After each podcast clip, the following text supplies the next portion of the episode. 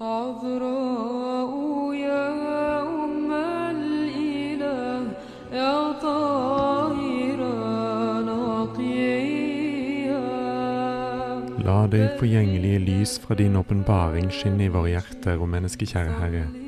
Måtte du opplyse våre sinn når vi leser om dine hellige tjenere. Lær oss ved deres eksempel å leve i lyset, slik at også vi kan leve for deg, vår Herre og velgjøre, for du er god og elsker menneskene. Den 8. november feirer vi synaksis for erkeengelen Mikael og de andre englemaktene. Fra evighet er Gud lys, det eneste sanne, evige, stoffløse, uendelige og absolutt ubegripelige lys. Han hviler i sin enestående naturs utilgjengelige hemmelighet, og kan glede seg ved det uutsigelige kjærlighetsfellesskap mellom de tre personer, Fader, Sønn og Hellig Ånd. Han er god og opphav til all godhet og all kjærlighet. Derfor har han ikke vært fornøyd med bare sin egen beskuelse, men har i sin overstrømmende godhet villet at noen andre skulle få ta del i hans lys. Derfor har han skapt verden fra ikke-væren til å være til. Han skapte både den synlige og den usynlige verden, og ved sitt ord brakte han englenaturen til væren og fullkommengjorde den ved sin hellige ånd. Idet han dannet de himmelske og ulegemlige maktene som en stoffløs ild, for å være hans ivrige tjenere. De er lys av annen rang, som ved Den hellige ånds nåde mottar opplysning fra det første begynnelsesløse lys, samt delaktighet i hans udødelighet. Som tro bilder av guddomsvesenet er de hellige engler av åndelig natur, og de har ikke legemets tyngde, alltid i bevegelse, frie og begavet med fornuft. De ser Gud i den grad de kan nå det, og finner i beskuelsen av ham deres føde, deres bestandighet og selve grunnen til deres tilværelse. Skjønt de er fri for alle legemets tilstander, er de likevel ikke lidenskapsløse som Gud, for de er skapt ved en forandring, nemlig overgangen fra ikke-væren til væren. De faller derfor ikke lett til det onde, men er likevel ikke helt fri for dets angrep. Derfor bør de gjøre bruk av den overordentlige friheten som Gud har skjenket dem, til å bli ved i det gode og gjøre framskritt i beskuelsen av de guddommelige mysteriene. Ellers blir de uopprettelig revet med av det onde og fjerner seg fra Gud, og da er det ikke slik som hos menneskene at de kan angre og gjøre bot, for de er uten legeme. Skjønt uten legeme er de likevel ikke helt stoffløse, bare guddommen er i sannhet uten stoff og ulegemlig. De er begrenset av tid og rom. Når de er i himmelen, er de ikke på jorden, og når de er sendt av Gud til jorden, dveler de ikke mer i himmelen. Deres lette natur gjør at de unndrar seg de grensene som murer og porter og seil gjør for oss. Når de av Gud blir sendt på oppdrag til mennesker, og derfor låner en legemlig skikkelse som gjør det mulig for oss å se dem. Likevel gjør deres letthet og deres ytterste hurtighet i bevegelser det mulig for dem å tilbakelegge avstander nesten øyeblikkelig, eller å gjennomskue menneskenes tanker, og det kunne få oss til å tro at de er begavet med den guddommelige allvitenhet. Men som skapte vesener er de likevel ikke begavet med allvitenhet, og heller ikke i stand til å befinne seg på to steder samtidig. Hvis de profeterer, så er det etter guddommelig befaling og ikke av deres egen evne. Gud har gjort dem til tjenere og sender dem som sender bud for å våke over jorden. De leder folkene, folkeslagene og kirkene. Ifølge åpenbaringsboken har hver lokalkirke en verneengel, og de sikrer forsynets planers gang med oss, både i allmennhet og for hver enkelt. Personlig har hver av oss hos Gud usynlig en vernengel, som er satt for å våke over oss, uten å opphøre å være nær hos Gud. Ved vår samvittighets stemme innskyter den oss det gode, hjelper oss til å unngå djevelens snarer, og bringer angerens frelsende ild til å oppflamme i oss når vi har syndet. Alene Skaperen kjenner englenaturenes art og grenser, men ifølge den hellige tradisjonen er det ni kategorier.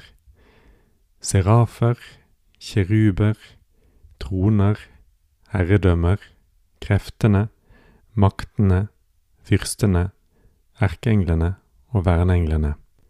En felles fest for alle englemaktene ble etablert på 300-tallet. Den fikk tittelen Synaksis for lederen av de himmelske hærskarene, erkeengelen Mikael og de andre himmelske ulegemlige maktene, erkeenglene Gabriel, Rafael, Uriel, Salatiel, Jegudiel, Barakiel og Jeremiel. Festen ble etablert på begynnelsen av det fjerde århundret ved konsilet i Laodikea, som møttes noen år før det første økumeniske konsilet. Den 35. kanon fra konsilet i Laodikea fordømte det å tilbe engler som guder og herskere av verden som kjetteri, men bekreftet deres rette ærbødighet. Englemaktene er én i forhold til Gud, men utallig i forhold til oss.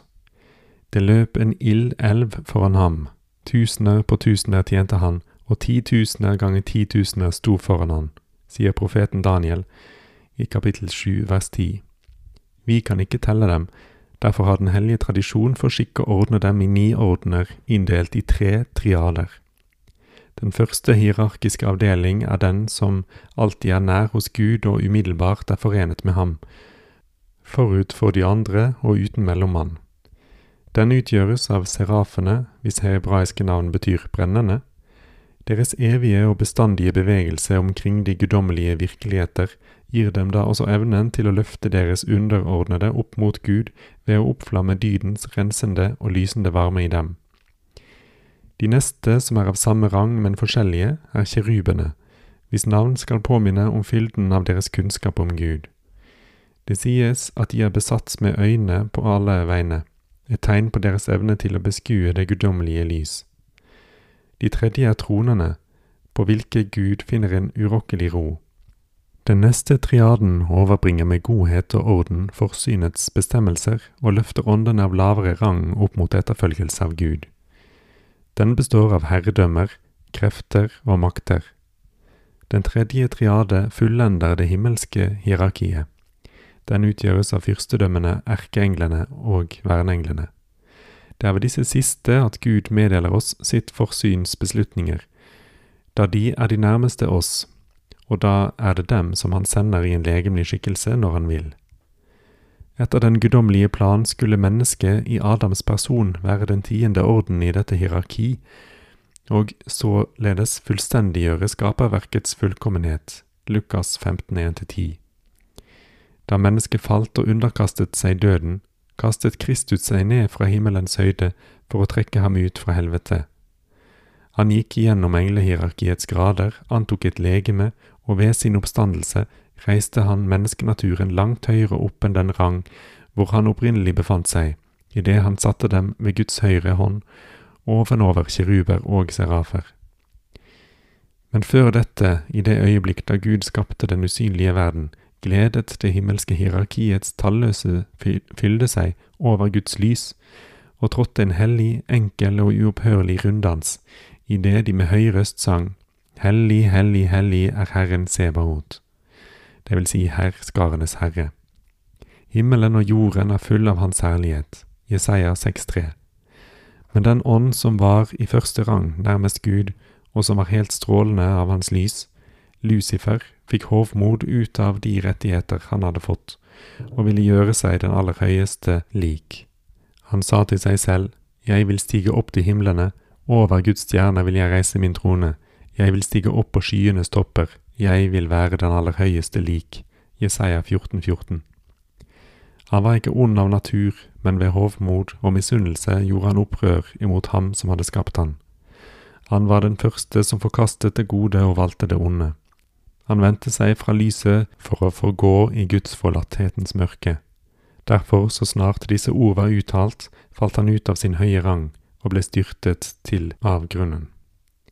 Da han slik hadde sønderrevet himlene, trakk han med vold en mengde engler av alle ordener med i sitt fall og gjorde seg til deres fører.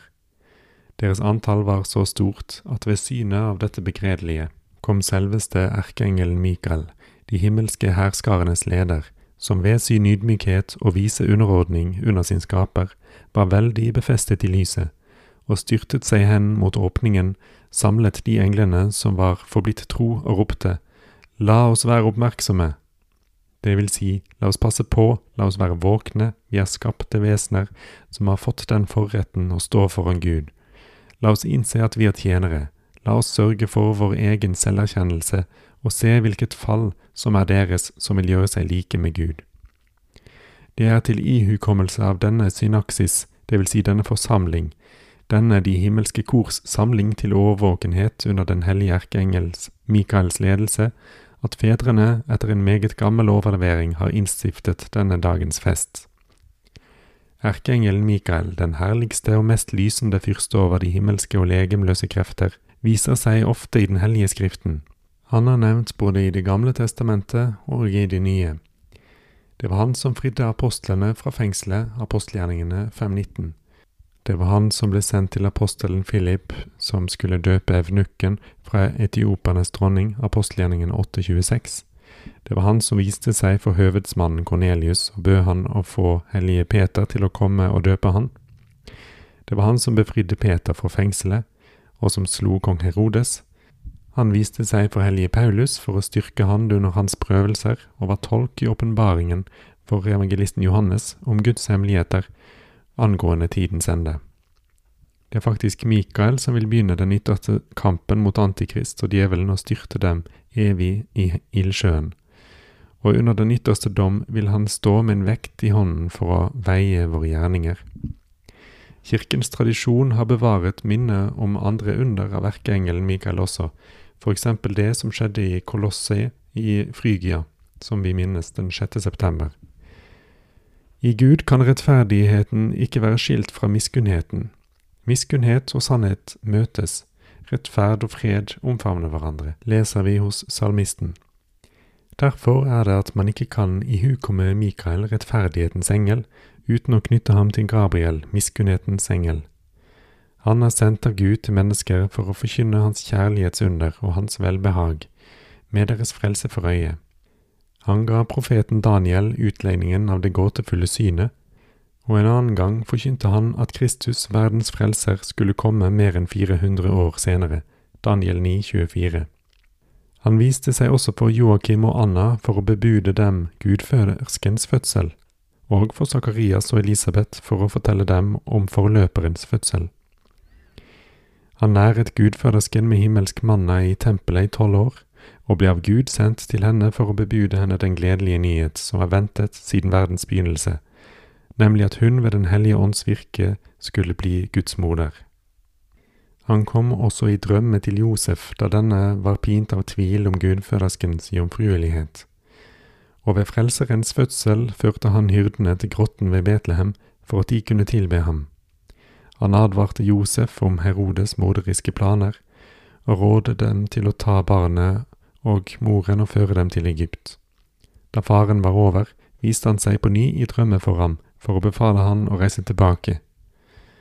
Under Kristi oppstandelses hellige natt kom Gabriel fra himlene, kledt i en funklende hvit kledning av guddommelig lys, og veltet den steinen fra som lukket for graven, og satte seg på den. Da de myrrabærende kvinner kom til stedet, stilte han deres frykt ved å si, Frykt ikke, jeg vet at Jesus den korsfestede som dere søker, er ikke her. Han er oppstanden som han forutsa. Matteus 28,5 Slik er den hellige erkeengelen Gabriel fra verdens begynnelse til Kristi oppstandelse og tidenes ende den budbringeren som er sendt av Gud for å forkynne mennesker hans miskunnhetsunder i den Herre Jesu Kristi person.